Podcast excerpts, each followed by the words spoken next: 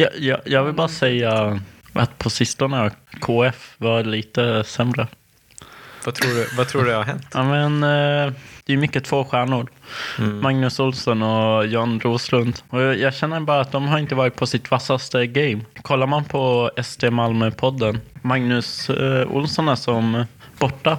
Det är bara Lisbeth. Är Malmö stad som svenska fotbollslandslaget under Zlatans senare tid, när, när förståsigpåare sa att han skadar laget därför att allting bara handlar om honom. Så att de, an, de andra blommar inte ut och han är inte bra nog för att bära allting.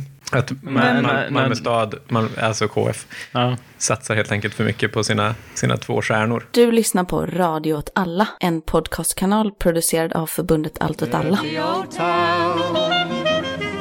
Dirty old town.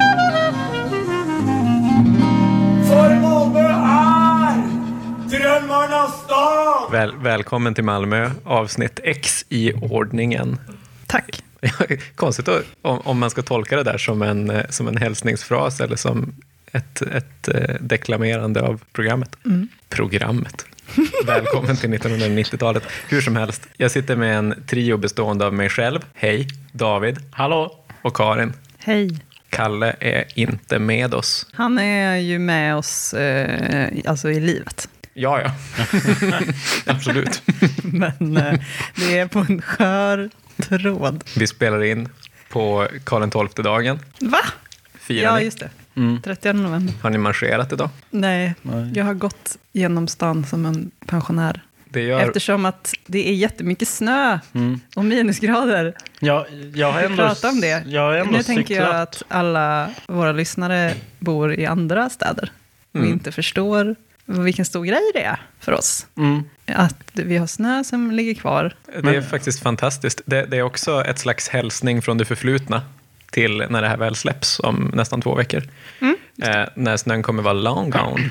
Ja, och jag, jag gillar ändå denna snön. Alltså, och det, det säger väl bara hur länge jag har bott här nere i södra Sverige. Men jag har så himla mycket nostalgi från eh, Umeå. Cykla runt och nästan hela tiden eh, ramla. Jag förstår Eh, inte hur ni, men det förklarar ju saken. För att nu när vi, när vi chattade på vägen hit, Mm. för vi kom från olika platser. Jag kom hemifrån och, och ni andra kom från andra ställen. Så chattade vi. Och så rapporterade ni att ni båda skulle ta cykeln. Det var helt, det var, fanns inte på kartan. Det skulle inte funnits på kartan för mig heller, men jag var på väg att bli väldigt sen. Ja, okej. Men det är att ni har ju också båda växt upp Ja, man i har ett som har balanssinne betydligt för det där. mer snö och minusgrader. Ja, men det, det kändes ändå dödsföraktande. Alltså, med tanke på att folk i den här stan är så otroligt dåliga på vinter. Vi minns eh, den här vintern där alla gick genom isen i Pildammsparken. Men Ja. det var ingen som gick genom, genom isen. Det var Malmös bästa dag. Vadå, det var ju Alla hade... Eller var det folk som Ja, ramlade det var i? Definitivt folk som Ja, ja, var som- Jag minns det bara som att, som att det var...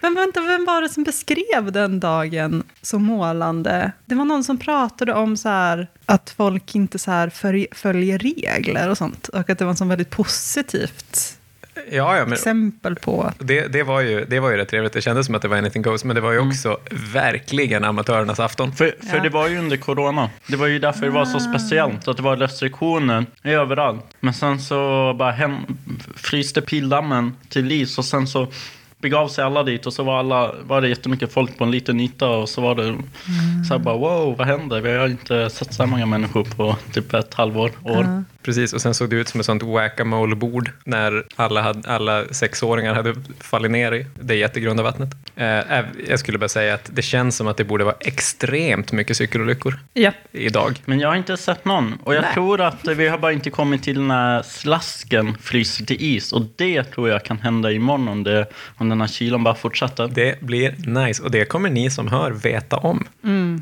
Ni kommer kunna se runt omkring er att alla fortfarande har brutna ben. ja.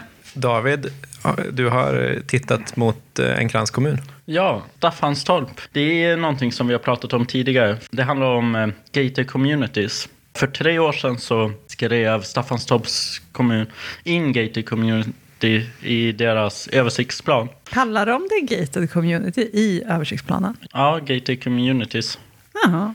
Eh, Det är en sån där liten rolig svengelska av, blir det av det hela. Ja, nej, men jag bara tänker att man har en sån otroligt, att det är en sån otroligt negativ laddning i det ordet. Mm. Det Att de känns hade liksom skrivit om det till någonting annat. Det känns på något sätt som att du inte känner Staffanstorp. Nej, Nej, vart har du varit? Jag tror, jag tror nog snarare att det är det som är själva poängen. Ja. Så, så ingenting har riktigt hänt på tre år. För tre år sedan så sa ju då Christian Sonesson att kriminaliteten, du vet den bara stiger och stiger och speciellt med den regering som vi hade för tre år sedan. Alltså sossarna. just det. Och sen nu har vi bytt regering. Men eh, Sonesson känner fortfarande det vi måste ha gated communities. Så han helt enkelt ringde upp en markägare och beställde ett uh, gated communities. En annan markägare fick klartecken för att bygga 170 bostäder mot att det skulle vara ett gated community. Medan du pratade så tittade jag lite snabbt på deras översiktsplan. Och det är roligt att en av de bifogade filerna heter Gated Communities, en liten handbok. Som Staffanstorps kommun själva har gjort dessutom. Så det är de här två projekten som ligger i startgroparna. Majoriteten av det ska bli en familjshus. Sen här kommer man ju lite fram till vad är gated community? Alltså sinnesbilden är ju att det är en form av en- enklav där man kontrollerar in och utpassage. Eller i alla fall inpassage. Menar du enklav som att de ska bygga den i Lunds kommun?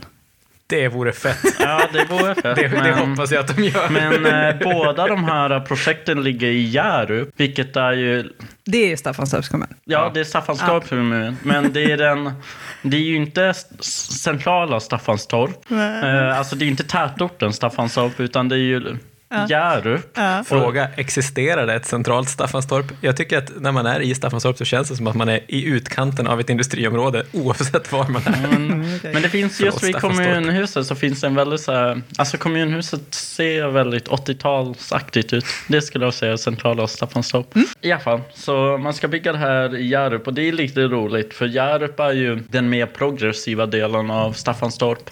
Inte där så mycket Moderaterna har alltså att det är där sossarna är lite starkare. Ah, okej. Men, eh, men också att Hjärup då kommer ha en villamatta, Jackriborg och sen två gated communities. Alltså det är ju verkligen bara en mischmasch av tokiga byggen. Det är för sig roligt att tänka sig att gör man ett gated community i Jakriborg så kan man göra det till en rid- riddarborg. Ja, ja, alltså det är ju, de har ju murar. Det är ju, Exakt. inte- har ju en mur, ja. Ja, allt de behöver är ju någon form av portvakt. Krokodiler i Ja, vallgraven. ja, verkligen. En liten riddare. I sydsvenska artikeln så nämner man kameraövervakning, kollektiva larmsystem, stängsel eller mur. Och eh, man vet ju inte exakt vad det här kommer bli just nu. Det är ju för tidigt. Det finns ju olika exempel på andra typer av, ja men både hus men också eh, så här kvarter kan man väl säga. Som eh, har en begränsad eh, liksom in och ut. Man har ju dels alltså bara vanliga portkoder och liknande Eh, till trapphus. Sen så kan man ju ha, som det finns ganska mycket här i Malmö, lite här och vart, olika staket runt sin fastighet. Sen kan man ju bygga som eh, många av husen på Möllan är byggda, så kvartershus där husen är ut mot gatan och så har man en gemensam innergård. Men att den innergården är liksom inte öppen för allmänheten. Och alla de är ju någon form av version, fast det är light. Det som är liksom, som jag förstår är lite skillnaden och det som gör Staffanstorps gated community till ett gated community, det är just att här är tanken att gator, grönområden och till och med VA-system ska inte vara kommunala. Alltså att det är de som bor inom det här området som också bekostar de här äh, all, allmänna eller offentliga platserna eh, och eh, infrastrukturen. Och ja, då, själva muren eller stängslet och bevakningen. Alltså, och på så sätt så skiljer det sig mot när man bara kanske har ett stängsel men i övrigt så liksom nyttjar man den kommunala servicen och betala för den kommunala servicen. Innan jag kommer in i några olika funderingar så kan vi ju gå igenom vad då reaktionerna från de här markägarna. Det var ju markägaren som fick eh, vetskap om eh, det här gated community eh, i, i planprocessen. Han säger det kom lite som en överraskning.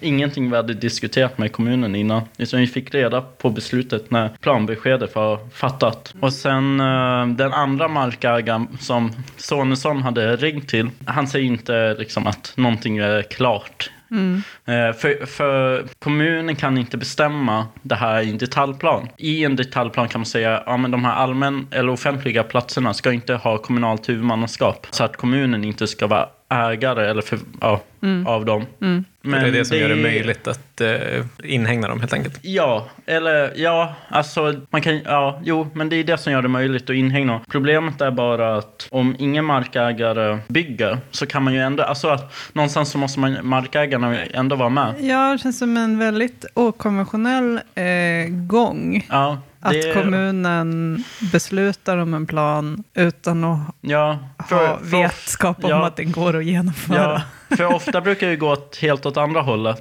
Där, där man har ett behov i samhället. En markägare som ser ett behov och markägaren sen går till kommunen som tillåter eh, att bygga efter det här behovet. Men här har man liksom börjat i den helt andra änden. Och, och, och det finns ett annat exempel i Sverige faktiskt på gated community som också är bara inom det senaste året eller två.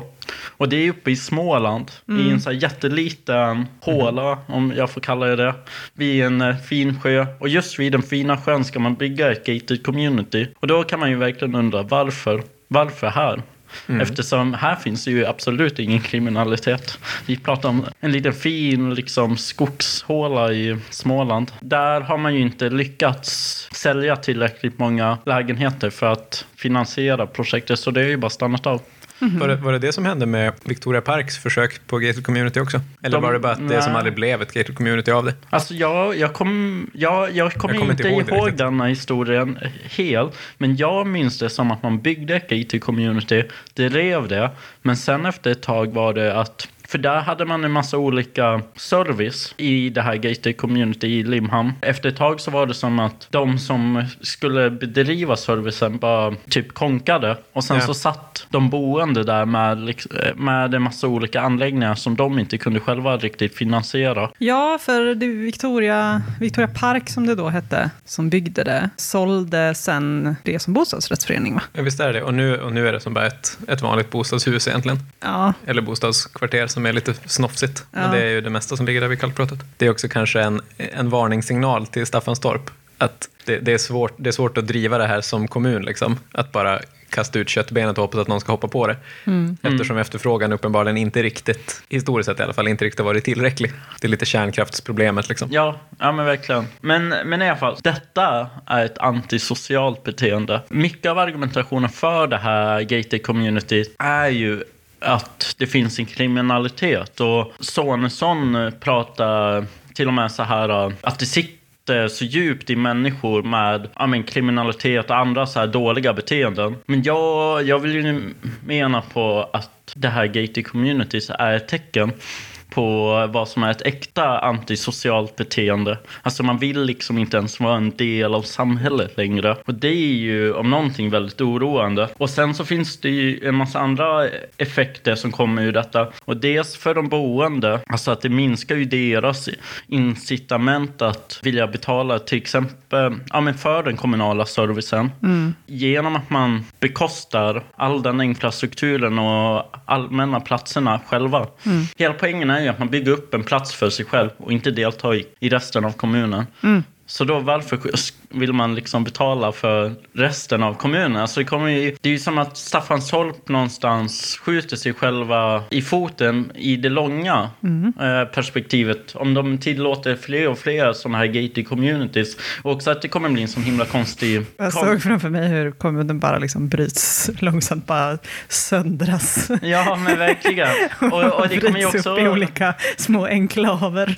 Ja, och Där, tänk där de om- kommer med lans mot varandra från Jäckreborg. Ja, och tänk de som bor utanför och innanför. Alltså bara ut en så här rent kommunalt perspektiv. Alltså att det är vissa som kommer vara så här, men vi måste... Alltså att det kan bli så konstiga valdebatter. Du vet, äh, det finns en liten minoritet som kommer vilja liksom att man bara ska lägga ner mer och mer grejer i kommunen. Och sen en annan del som är så här, nej men hallå. Nästa problem blir ju så här, ja men om man bygger stängsel för att hålla ute samhället, då måste man ju på något sätt kunna kontrollera de som ska flytta in. Och då blir det ju så här, hur långt, ja men dels, det finns idéer om att öppna upp för att bostadsrättsföreningen ska kunna begära ut brottsregister och sånt.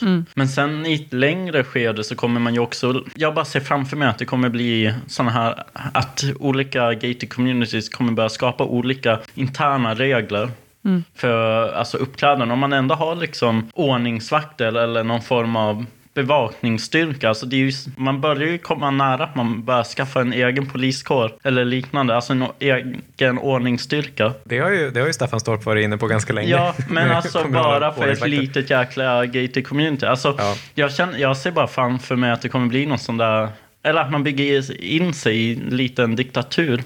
Jag vet inte vart detta är ifrån och jag vet inte om det stämmer. Men jag tror att jag någon gång har sett en film där man sa att Al Capone sa att det värsta med att leva utanför lagen är att man inte skyddas av lagen.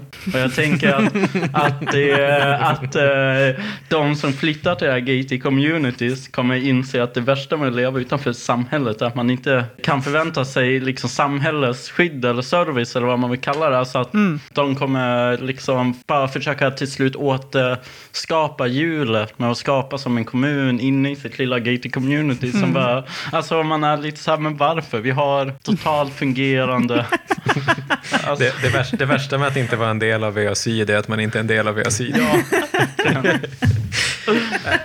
Men alltså, jag, jag sitter och läser deras jättesöta lilla, lilla bok, Gated Communities i stadsplaneringen, en liten handbok. Det är inte en liten handbok, det är bara att de presenterar vad deras idé är. Och där har de, de har svar på tal på många av dina saker. In, inte minst att det här bidrar faktiskt till tryggheten och sammanhållningen och livskvaliteten även utanför kvarteret.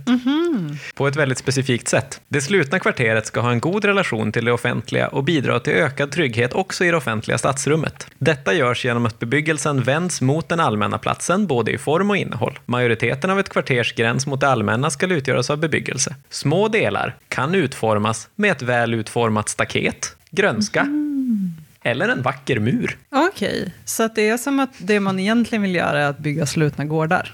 Ja, det, det är det. det. Det var det jag tänkte komma till sen. Det, här, det är ju ganska pissiga gated communities där, om vi jämför med, med Victoria Parks variant. För att det är ju inte gated communities, eh, som vi var inne på lite innan vi spelade in. När jag tänker gated community med liksom förlagen i USA eller i Sydafrika, då är ju det platser där man kan leva en stor del av sitt liv där inne. Alltså där du har typ ett gym och du har kanske en liten affär. Det kan finnas en restaurang eller vad fan som helst. Helt enkelt så att du inte ska behöva interagera med samhället utanför. Men det här är ju bara inhägnade gårdar i lite större skala. De, de tar som eh, sina, sina tre förebilder så tar de liksom kvartersstaden. Men att kvarters, varje kvarter i kvartersstaden ska ha en grind. Så att du inte kommer in om du inte bor där och att det ska finnas kameraövervakning. Det är väldigt mycket att det ska finnas kameraövervakning. Jag tycker också lite gör om gör rätt. Om de nu ska vara såna här eh, Voldemorts som de vill vara. Det låter ju som mycket av staden. Det låter ju som större Som delen av Malmö. Den är redan talat. nu. Bara med, med kameraövervakning. och kommunalt VA. Ja, precis. Den är, den är väldigt viktig faktiskt. Ja. Men ja, Men de, jag menar, de presenterar det fortfarande som ett gated community, så det är Jo. fortfarande det som är deras Mm, Men eh, jag tänker ju bara så här, då kommer ju frågan, varför är det så svårt för Staffanstorp att bara ha en grind? Eller liksom en kvarterstad. Alltså, är är det för att det är så förbannat tryggt där? Ja, det, Staffanstorp är exakt det här, det som Sverigedemokrater alltid hittar på. När jag växte upp i Oxie på 70-talet, då låste man inte dörren. Det fanns ingen dörr. Nej. Det finns ingen grind. Det Nej. finns inget Ja. lås. Och det är, Och det är det de inte kan komma Ja. förbi. Så att det är ett stort steg för dem bara det här. Ja. Vi faktiskt låste inte dörren när jag växte upp. Men jag bodde ju också i Grisbacka, så jag menar. Vad, vad var brottsligheten där? Det vet vi inte. Det, det var en liten, en liten annan nyhet om Staffanstorp. Jag, jag brukar ju ofta, ofta dra lans för Staffanstorp för att jag tycker de har en härlig attityd när de inte bryr sig om någonting. Men fan vad de är dåliga också. Ja. Alltså, förutom det här. I Sydsvenskan idag, det vill säga för två veckor sedan för den som lyssnar, så var det en artikel om deras eh, kommunala konstmuseum, eller konsthall, som hade köpt in en utställning som skulle ha temat människa och natur. Och givetvis, om man går till en konstnär och så säger man vi har tema människa och natur, då blir det naket. Så att den här konstnären hade gjort lite olika, om hon kallade dem kraftkvinnor, hur som helst nakna kvinnor som på något sätt relaterade till ett element. Och någon film med folk som var nakna på eh, ribban. Och det, det kunde inte Staffanstorp gå med på. Därför att det är barn som ska se det här. Mm. Okej. De måste skyddas från det här. så att efter att de hade fått konstverken levererade så avbröt de avtalet och så vitt jag vet avbröt också alla löften om betalning. Men, men Okej. eh, jag förstod... För att det inte eh, existerade ett kontrakt. Jag förstod artikeln som att eh, det är bara konstverken som innehåller enbart träd som kommer visas. Nej, nej, det var inte så. Utan eh, det, det här var också en del av att det inte fanns något kontrakt, så det kan vara konstnären själv som tolkade in lite mer naket och natur i det. För att det kommunen sen sa var att nej, nej, nej, vi ville ha en utställning om träd. Och då fanns det inget som gick att använda i den här. Ja, ja, ja. Eh, Men konsthallens chef var, var väldigt tydlig med att naket inte var Jag, okej. jag trodde verkligen hon hade gjort hälften nakna människor och hälften träd. Och sen så var, var det bara att, ja, skitsamma. Men då tolkade jag fel. Ja. Tänk att leva på det stället. Ah, ja. Ska vi eh, gå, vid- pratar Malmö, gå eller? vidare? Ja! Det har ju varit budget KF, det var för typ en månad sedan. Första Ja, ja. november. så, så för typ två och ett halvt år sedan, när det här väl släpps. Eh, det pågår ju, alltså budget KF, alltså kommunfullmäktigemötet där man beslutar beslutade om Malmö stads budget för 2024. Det är ju ett möte som pågår i många timmar. Jättemånga Jag timmar. kollade på kanske första halvtimmen. Han se två anföranden, kanske inklusive då repliker och genmälen och sånt. Jag vill först säga att det blev jättekonstigt i debatten när Magnus Olsson skulle gå upp och prata. Jo, men så här, det som hände var, budgetdebatten börjar med den allmänpolitiska debatten. Det är liksom första delen. Och sen går man vidare och pratar om de olika sakfrågorna. Alltså typ skolan har en, blir ett sjok liksom. Och sen pratar man om vård och omsorg, blir ett sjok. Men i början så får man prata fritt, typ, lite mer generellt. Då börjar det med att kommunstyrelsens ordförande får hålla ett 15 minuter långt anförande, där Katrin alltså presenterar budgeten. Och sen får alla partier gå upp i turordning efter storlek och också hålla ett eget anförande, liksom, där man då pratar om sitt budgetförslag. Och Katrin började med att prata ganska länge om Gaza och eh, Israel och Hamas. Alltså på ett sätt som jag till och med reagerade och tänkte så här, vad konstigt att det är det första hon säger, fast det egentligen ska handla om budgeten, för det handlar ju inte om budgeten. Men sen så visade det sig, eller så kom jag på, eller det visade sig, och jag kom på samtidigt som det visade sig, de har ju någon sån särskild satsning i budgeten där de lägger pengar, alltså för att öka tryggheten eh, genom att, alltså ett krisstöd, ett eh, krisstöd och konflikthantering i Malmös skolor och fritidsgårdar, eh, som en följd av Hamas terrorattack i Israel och det israeliska motanfallet i Gaza, skriver man. Så det hade ju absolut med eh, sossarnas budgetförslag, eller budget, eh, att göra, för att eh, de har eh, lagt pengar på att, att eh, Malmö skolor och fritidsgårdar ska kunna hantera, ja men, eh, den här situationen som har uppstått, som såklart påverkar människor eh, jättemycket i Malmö. Och sen var det dags för Magnus Olssons anförande, och då började han ju också ranta om detta, då alltså eh, som en kritik eh, mot eh, etablissemanget. hur, eh, hur man eh, är så himla snabb på att eh, fördöma Israels attacker i attack i Gaza, men inte lika mån om att fördöma Hamas attack mot Israel. Och att det här är ett stort problem. Han är ju inte riktigt lika eh, slipad, kanske i talarstolen, som, som Katrin. Eh, så när han hade pratat om det här en ganska lång stund, han hade ju dessutom inte heller lika många minuter på sig att hålla sitt anförande, så det tog ganska mycket av hans tid. Och till slut så sa alltså kommunfullmäktiges ordförande, som heter Ing, nej, vad fan heter hon? Eh, Elisabeth. Carina Nilsson. Ja, Carina Nilsson. Nilsson. Ja. Förlåt, Carina. Ja, Förlåt. Förlåt. Så till slut så fick ordföranden för kommunfullmäktige, Carina Nilsson, säga till. Nu är det eh, bra om du kommer till, till frågan som vi ska prata om, alltså budgeten. För nu är du ute och pratar om någonting helt annat. och då ryter han Oj! åt henne. Nej! Va? Åt Du borgmästaren? ska sätta dig ner och vara tyst. Alltså det är Malmös budget vi fördelar. Ja, Ingen och det är en omvärldsanalys och jag har ordet och du sätter dig ner och är tyst tycker jag. Ja! Va? Alltså verkligen som att han, så här, att han snappade liksom. Jag fick ont i magen. Ja, Ja, det det Det förstår var jag. jättejobbigt. Tänk hur, hur Carina Nilsson måste ha Nej, känt men det. Jag tror att hon säkert med all rätta blev helt ställd. Det tror jag Alltså- också. Det är verkligen inte stämningen man förväntar sig. Till Magnus Olssons försvar. Så kom man till slut fram till att Sverigedemokraterna i sin budget lägger 30 miljoner kronor på eh, satsningar mot antisemitism. Det känns spontant som en sån här grej som Sverigedemokraterna, om någon annan lägger det i sin budget, säger är slöseri med skattepengar. Mm. Sen, det var ju också det enda han han säga om deras budget.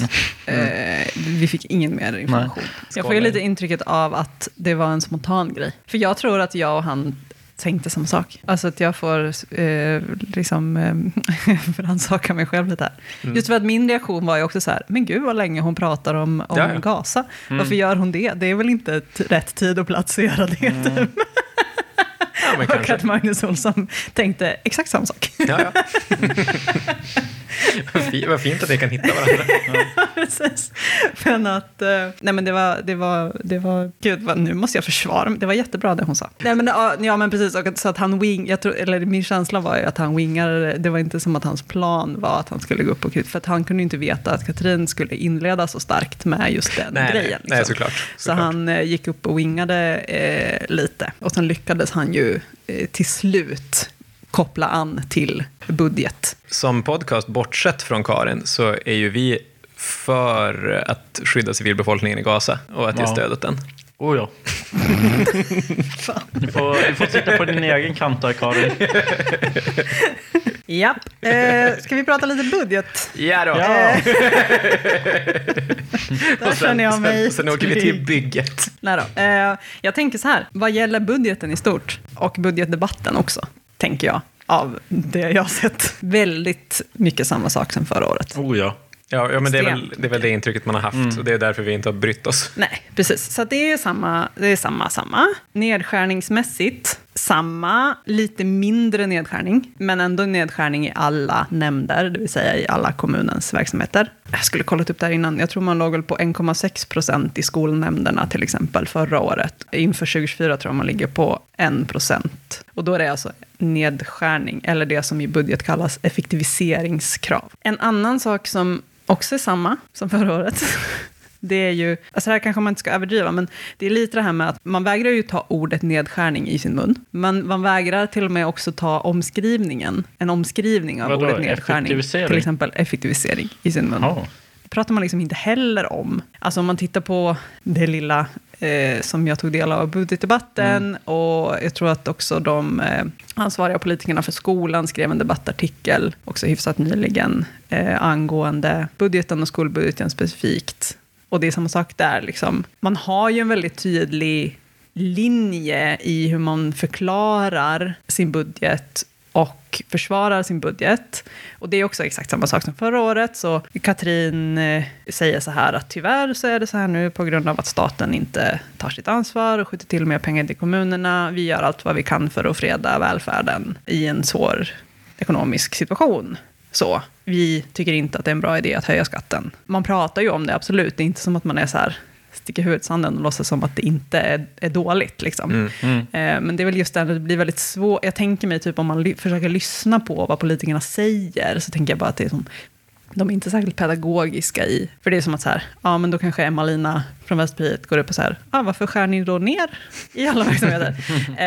eh, och så kan de liksom inte säg, svara på det utan att vara så här, vi satsar jättemycket, vi prioriterar välfärden, Men, men, vi äh, lägger så här mycket pengar. ja. men det är väl en Och sen så, men, klassiker ja. att man eh, försöker, alltså det bästa försvaret är offensivt. Alltså att man Oh ja. säger, bara säger att man satsar hela tiden är bättre än att säga nej men vi skär inte ner. Ja, Men jag tycker det, det blir, på en, det blir liksom på en nivå som att jag tror att man, man hade vunnit lite i förtroende på att vara lite mer klarspråkig. Typ. Ja, det, det, det säkert. tänker jag också. För, att, för det, är ju, det är ju en linje som typ går att försvara. Alltså det är ju nedskärningar, så är det ju. Ja. Men de har ju, de har ju argument liksom i, i nästa led för varför de gör nedskärningar. Ja. Och det är så här, Precis. ja men vi har inte något annat val. Och det kan man väl såklart ha åsikter om, huruvida de har ett val eller inte. Fast de, de man lägger fram ganska bra bevis för det och vet ju åtminstone att, att skylla på staten. Liksom. Och då blir det så, det blir så märkligt att då eh, snurra in sig i den här liksom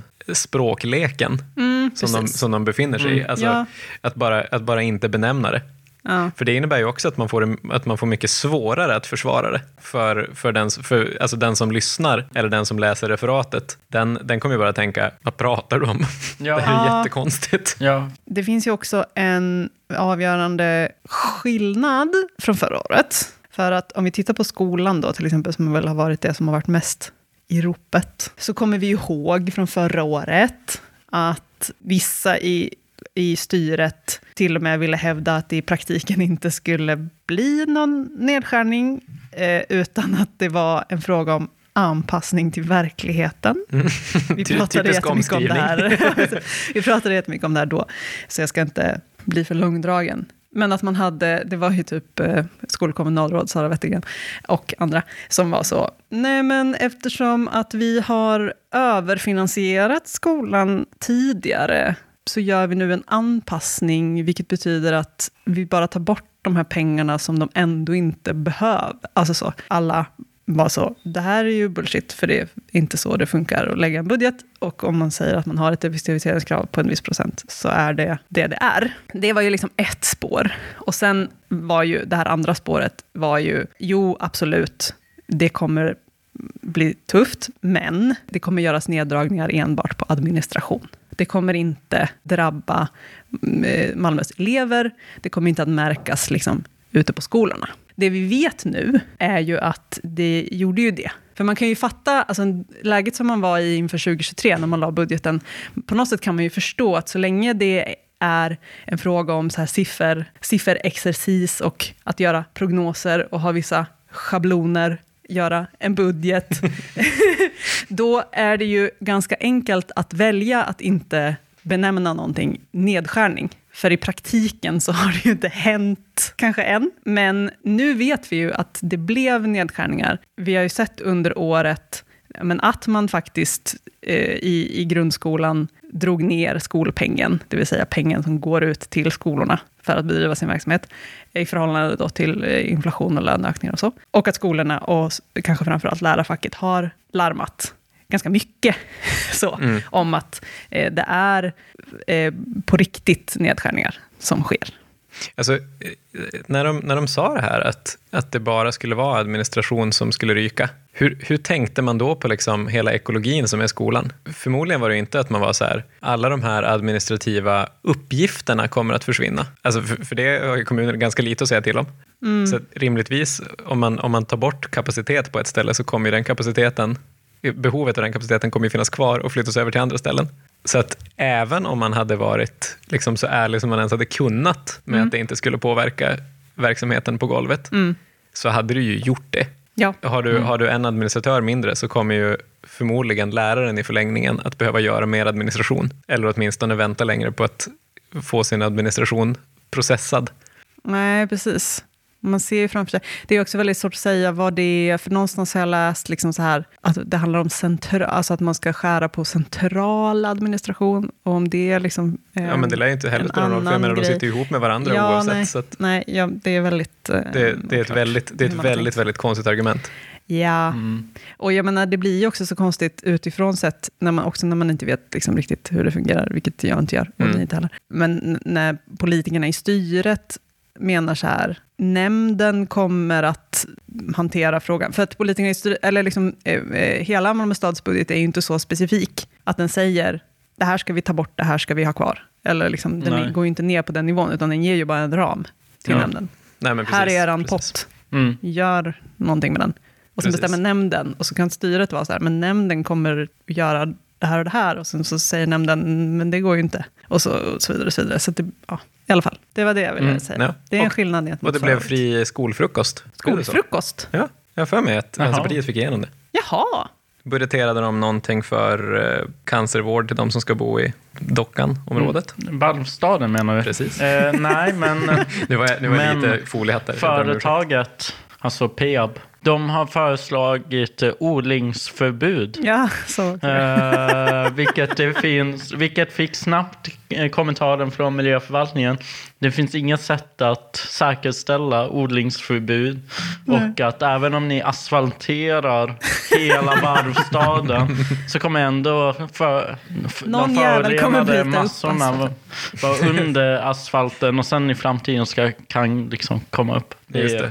Ja. Det är väldigt roligt. Det är så många roliga, det, eller jag vet inte, jag har svårt att sätta fingret på det, men det känns som att det är många roliga aspekter av just den här odlingsförbudet. Ja. Det är en, väl, en rolig aspekt är ju just det som du sa nu, att vad är det för något? Hur Mm. gör man ett odlingsförbud? Ja, verkligen.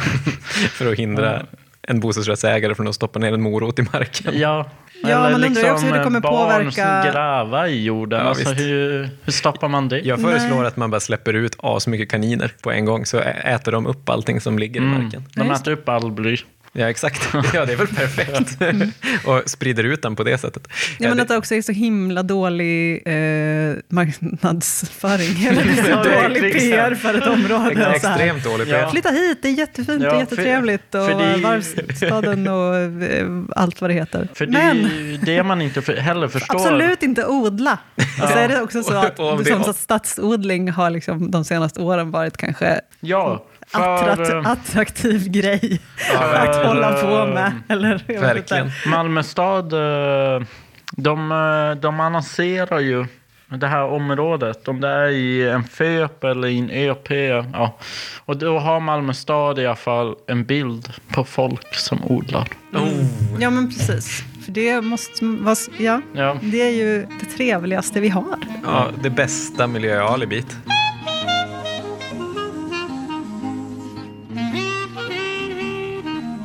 Hur kommer det sig att Malmö aldrig har varit bra på basket på riktigt? Och jag säger aldrig med en brasklapp, för jag vet inte riktigt om de kanske har varit bra en gång i tiden, men det var länge sedan i så fall. Jag har ända sedan jag flyttade hit verkligen velat att Malmö ska ha ett basketlag som är bra på riktigt. Men vilka, vilka städer är bra på riktigt? Alltså för... Norr, Norrköping, Luleå, Sundsvall, Södertälje. Ja, men jag menar det är ju återigen inga storstäder. Södertälje hör till Stockholm, Ja, men nästan. marginellt. Men min teori är ju att storstäder, de håller på med fotboll. Och sen så finns det liksom, beroende på storlek på staden, så finns det olika sporter. Till exempel speedway, det är hålor. Eh, bandy, det är mindre än mellanstora svenska städer. Mellanstora svenska städer, de kanske håller på med ishockey. Eller basket. Ja, jo, kanske basket. Men jag har i alla alltid, fall tänkt, inte jag har alltid tänkt på basket som en så märklig idrott för att det den är mycket mer genetiskt bestämd än andra idrotter. Sen kanske jag har fel i det. Jag tror, att du har fe- jag tror de flesta är det faktiskt. Fast det är tydligare i basket än i många andra. Ja, men jag menar, I andra sporter så är det så här, ja men är du atletiskt byggd, Ja, ja. typ, så är, det, är du antagligen ganska bra. Ja, jo. Men jo, i basket måste du vara atletisk och jättelång.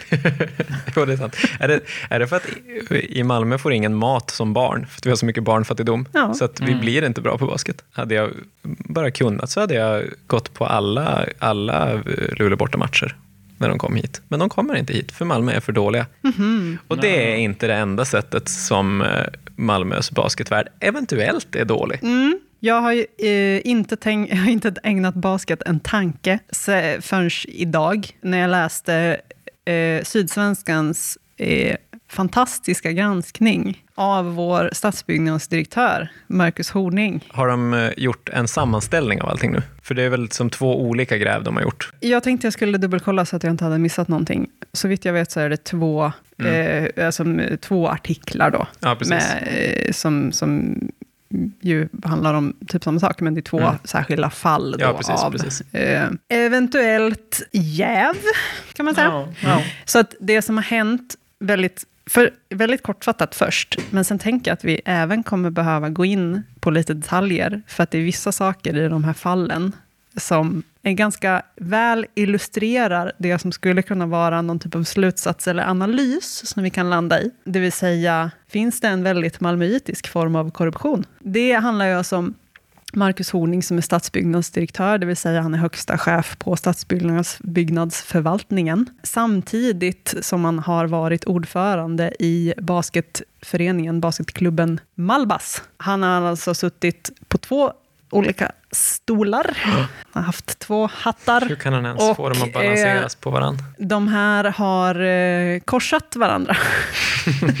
eh, därför att eh, basketklubben Malbas har haft sponsorer i olika fastighets och byggföretag. Och de här fastighets och byggföretagen har också haft eh, aktuella ärenden hos eh, stadsbyggnadsförvaltningen under den här tiden. Och eh, Marcus Horning har varit med och fattat beslut som har varit till gagn för de här fastighets och, och byggföretagen. Eh, under Samma tid som han har suttit i, i basketklubben. Eh, Marcus Horning blev ordförande för basketklubben Malbas 2018, om jag förstår det rätt. Och sen blev han stadsbyggnadsdirektör 2019, så rätt mycket i samma veva. Och när Marcus Horning gick in som ordförande i klubben Malbas och därtill även eh, satt, eh, åtminstone under någon del av den här tiden, i, i deras kommitté för sponsring och marknadsföring. Hjälpte väl han till då, får man eh, väl tro, att ta eh, föreningen från en ekonomisk kris, där man gick med stort underskott, eh, till att gå med vinst, ta sig ur den här ekonomiska krisen, bland annat genom att sluta sponsoravtal med de här fas, eh, fastighets eh, och bygg, byggbolagen, någonting som man inte tidigare hade haft. Alltså det vill säga före Marcus Horning kom in så hade man liksom inte haft den här typen av sponsoravtal med den här typen av företag. Man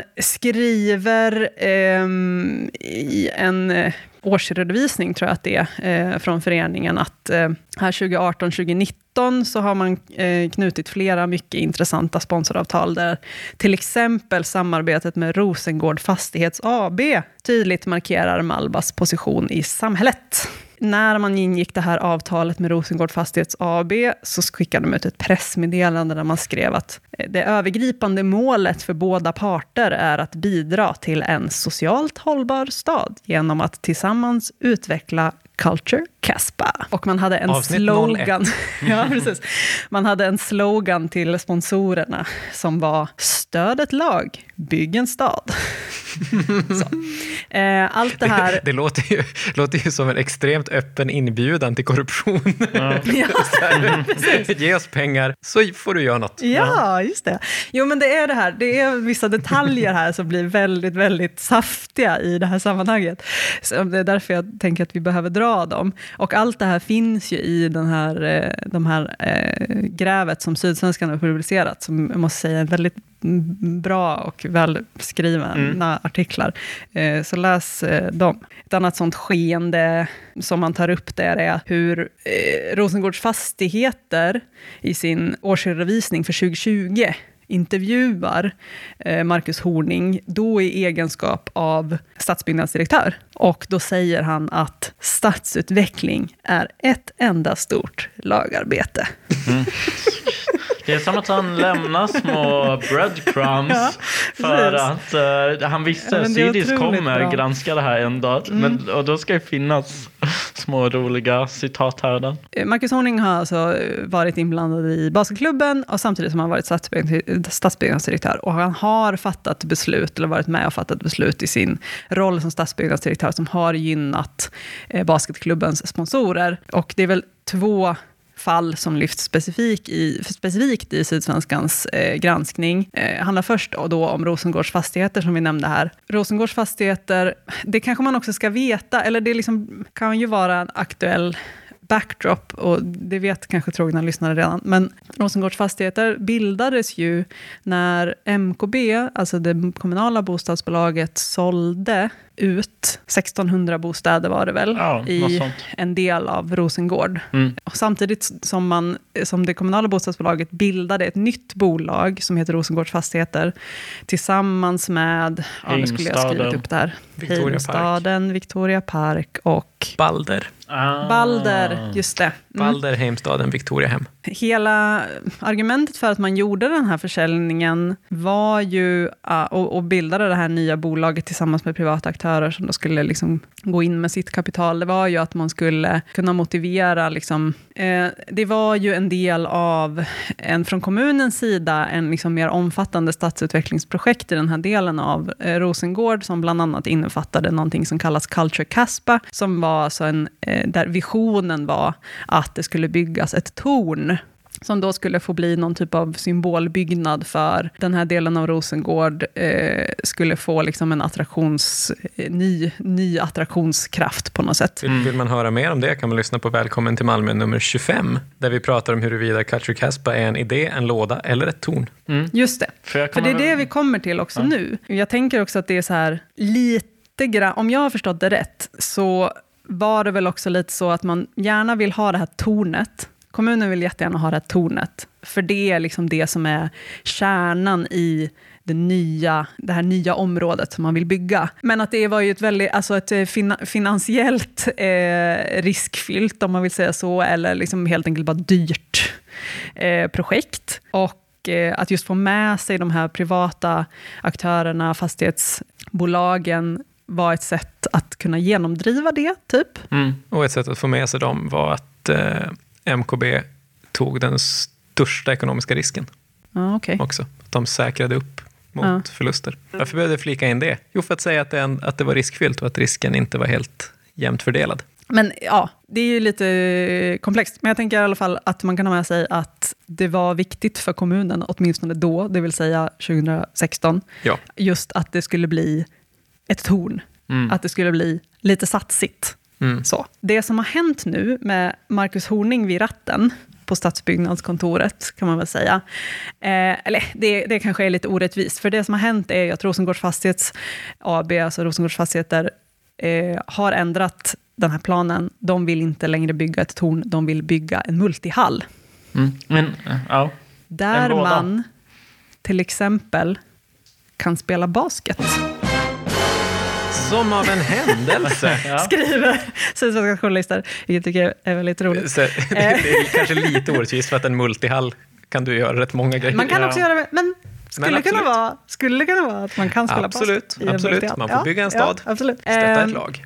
Nej, men Rosengårds Fastighet vill väl inte, de, de ser väl kanske inte att eh, det här är en eh, ekonomiskt eh, eh, görbar. Det, det, de vill ha ett billigare hus. Så har jag förstått det. Det kan man ju också begripa. Och Ja. det har ju varit kritiken sedan början. Mm, Varför ett torn i Ja, Rosengård? absolut. Visst. Eh, De vill inte göra, bygga ett dyrt torn, de vill bygga ett lite mindre dyrt eh, låda. Och stadsbyggnadsdirektören Marcus Horning eh, godkände det. Och sen så, är det ju, så menar ju han då, och det är ju säkert rätt, att den här planen på att ändra eh, från torn till låda redan fanns. Det var inte han som initierade eller drev igenom det, men eh, det blev han som skrev under eh, den planen i egenskap av direktör. Då. Horning själv får ju kommentera det här såklart och menar att han har, eh, som tjänsteman har följt politisk, politikernas riktlinjer när det gäller Culture Caspa. Rosengård och utvecklingen av Culture Caspa är ett prioriterat projekt, inte bara för stadsbyggnadskontoret, utan för hela staden. Sen har vi det andra caset, väldigt eh, snabbt liksom, så är det ju utvecklingen av eh, gamla Cementa, tomten i Limhamn. Och där har vi ju då eh, bostadsbolaget Trianon, som även Där var de Ja, är Där har vi dem. sponsorer till Malbas. Trianon eh, har velat att kommunen ska ge grönt ljus för att kunna riva gamla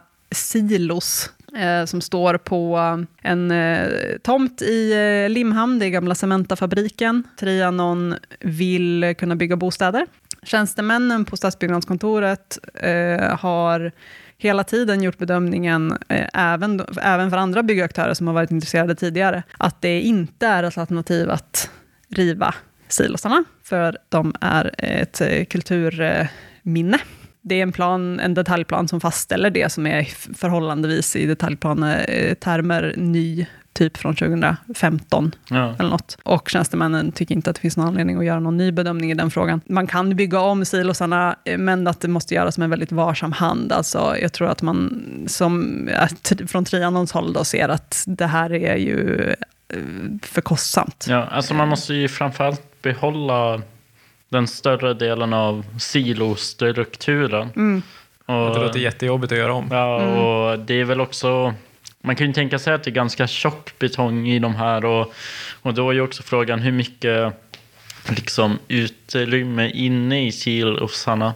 Alltså det blir, he- det blir helt enkelt väldigt hög kostnad per kvadratmeter om man skulle lyckas få in lägenheter. Och här, det här är ju lite mer kontroversiellt på det sättet att det Marcus Horning gjorde var att han körde över tjänstemännen på stadsbyggnadsförvaltningen. Och eh, alltså på eget bevåg eh, ja, men ändrade underlaget som lades fram till nämnden. För i slutändan så är det ju politikerna som beslutar om man vill riva silosarna eller om man vill behålla dem, såklart. Så det, och det hade det ju varit även om det var tjänstemännens förslag som lades fram.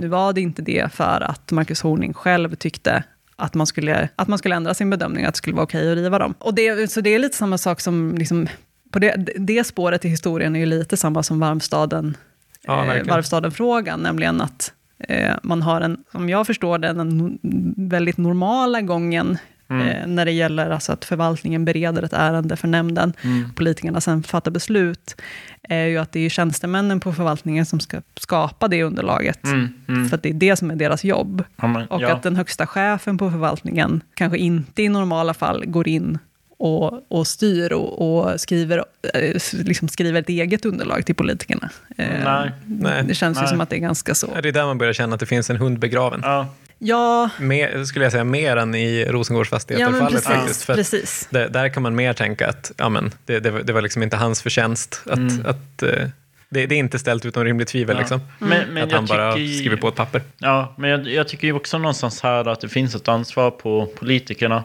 För det är ju liksom inte heller vilken byggnad som helst.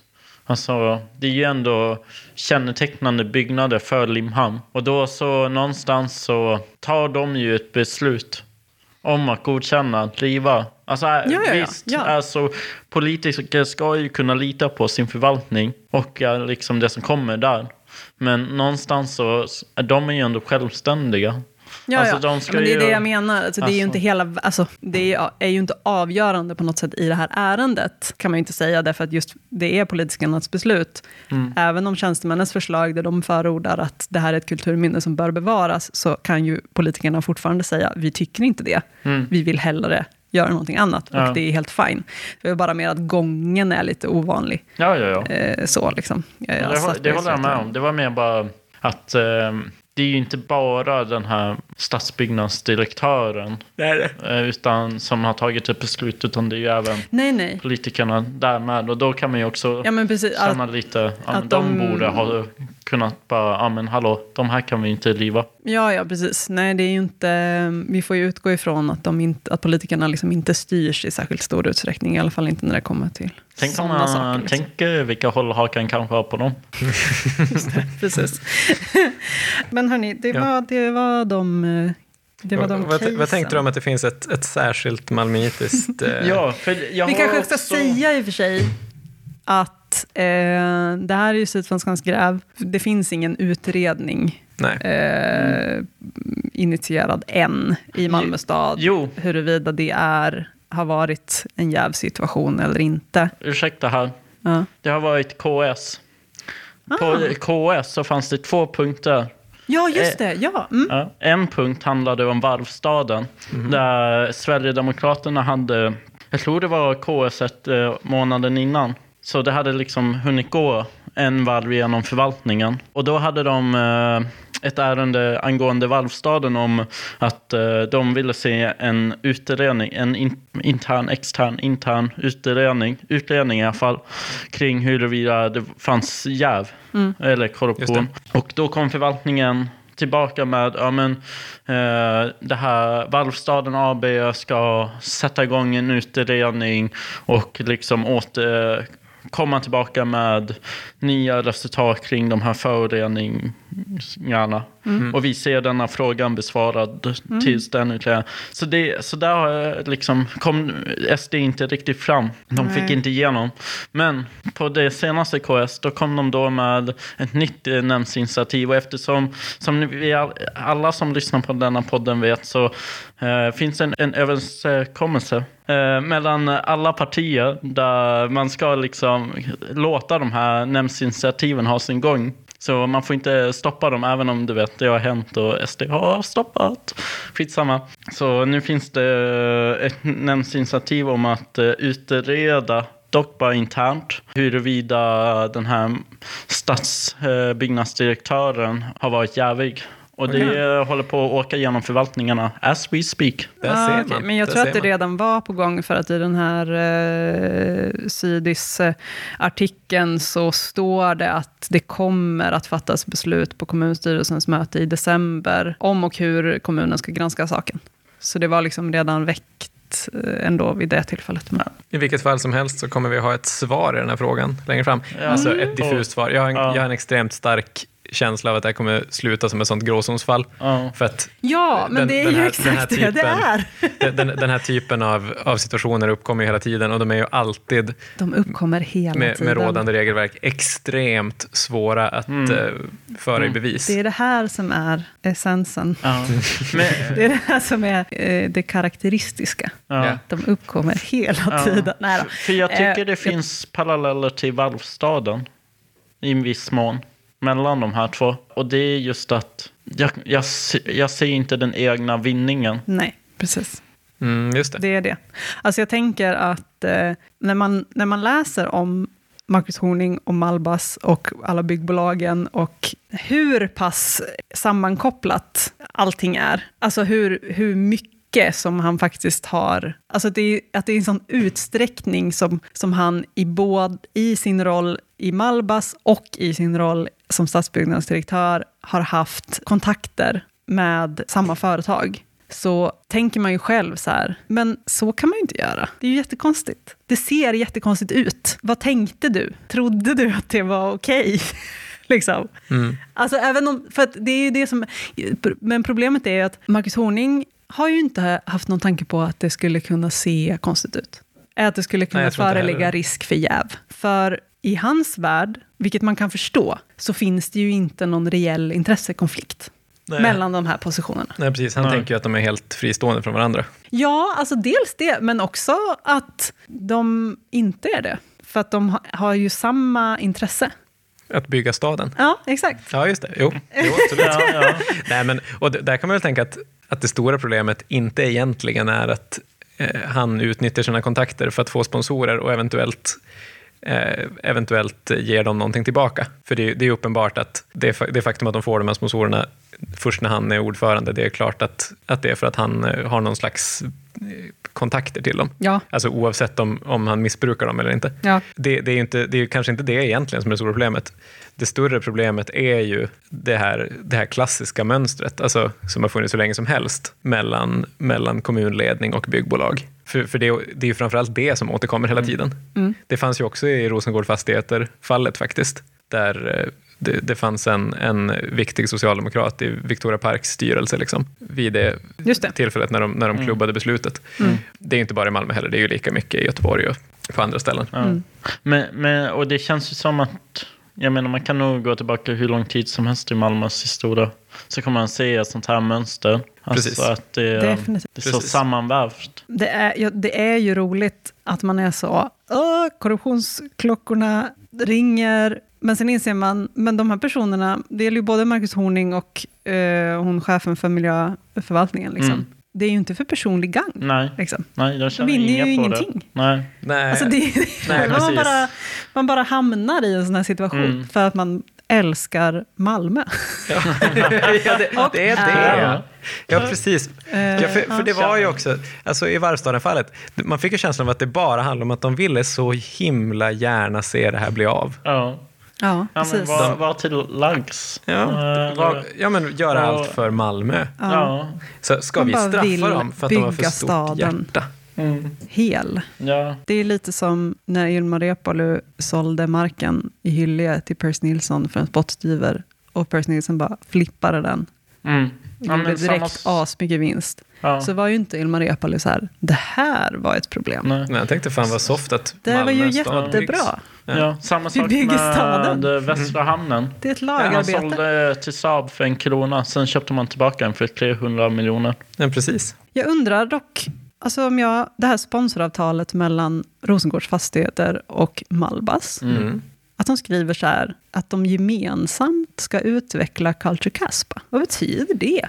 Men, men Vad har finns det basketföreningen med det att göra? Men det finns kan- det inte då en större liksom, idé där Malbas ingår i Culture Caspa? Alltså jag har ju verkligen ingen aning. Det, det låter ju i så fall Mm. som det egentligt problematiska.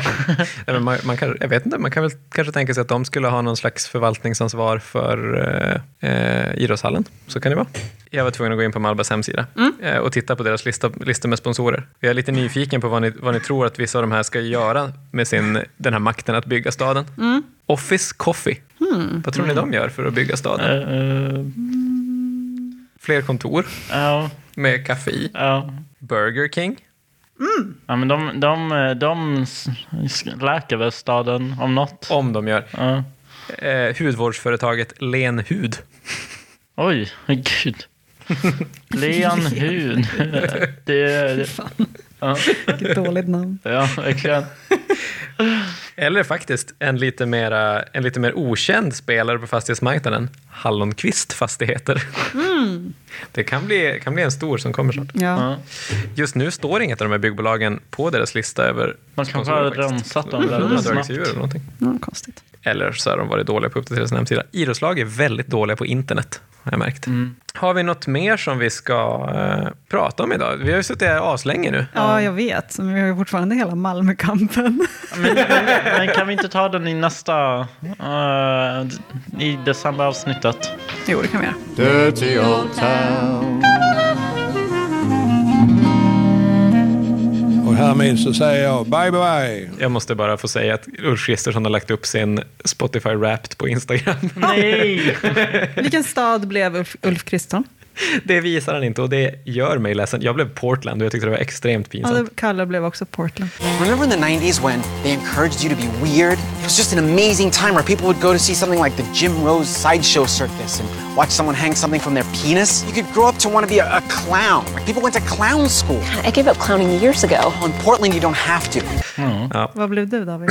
Jag har inte kollat. Har du inte kollat? Det måste du kolla. Du måste kolla det, det är jättekul. Jag vill, jag vill bara få flika in då att Ulf Kristerssons toppartister är Taylor Swift, Miley Cyrus, eh, Lars Winnerbäck, Junior Brielle och Lale. Det känns så jävla, jävla tydligt att Ja. Taylor Swift och Miley Cyrus är hans döttrar och hans Instagram-ansvariga som av någon anledning delar på hans Spotify-konto. Medan han absolut är Lars Winnerbäck och Lale. Ja, okej. Ja. Ja, ja, ja. Att Det hans Instagram-ansvariga delar hans Spotify. Ja, det antar jag. Som duo-konto. där. Jag antar det. Alltså jag tar det här ur luften, men jag tycker det känns som det troligaste. Ja. Men så så inget Dabas. Nej, Nej, det alltså, var inte han. Det är Rainis. Ja, just det. Förlåt, jag blandade ihop dem. jag bara kände också så här, vad konstigt att jag vet att Ulf Kristersson älskar Dabas. Fast de in, alltså för att det var tio år sedan som de sågs och hördes senast. Och för tio år sedan visste jag typ inte vem Ulf Kristersson var. Nej, så det var någonting där som inte gick ihop. Jag vill berätta vilken stad jag blev. Ja. Jag blev Burlington Oj. i Vermont. Oj, undrar vad det betyder. Eh, det betyder att jag är en av de här tjejerna som gillar Bernie Sanders. Ah. Vad, vad lyssnar man på då? Bara Van Morrison? Jag vill inte säga. det är lite pinsamt. Nej, det är inte pinsamt. Man lyssnar till exempel på Courtney Barnett. Ja, det låter ju rimligt. Trevlig. Ja. Ja. Och man lyssnar jättemycket på Van Morrison. Men jag tror, att det, jag tror att det är Courtney Barnett som gör att man blir eh, Bernie Sanders-staden och inte någon sån galen republikanstad. Precis. För att bara Van Morrison annars, då hade du blivit någonstans i Florida. Absolut. 100 procent.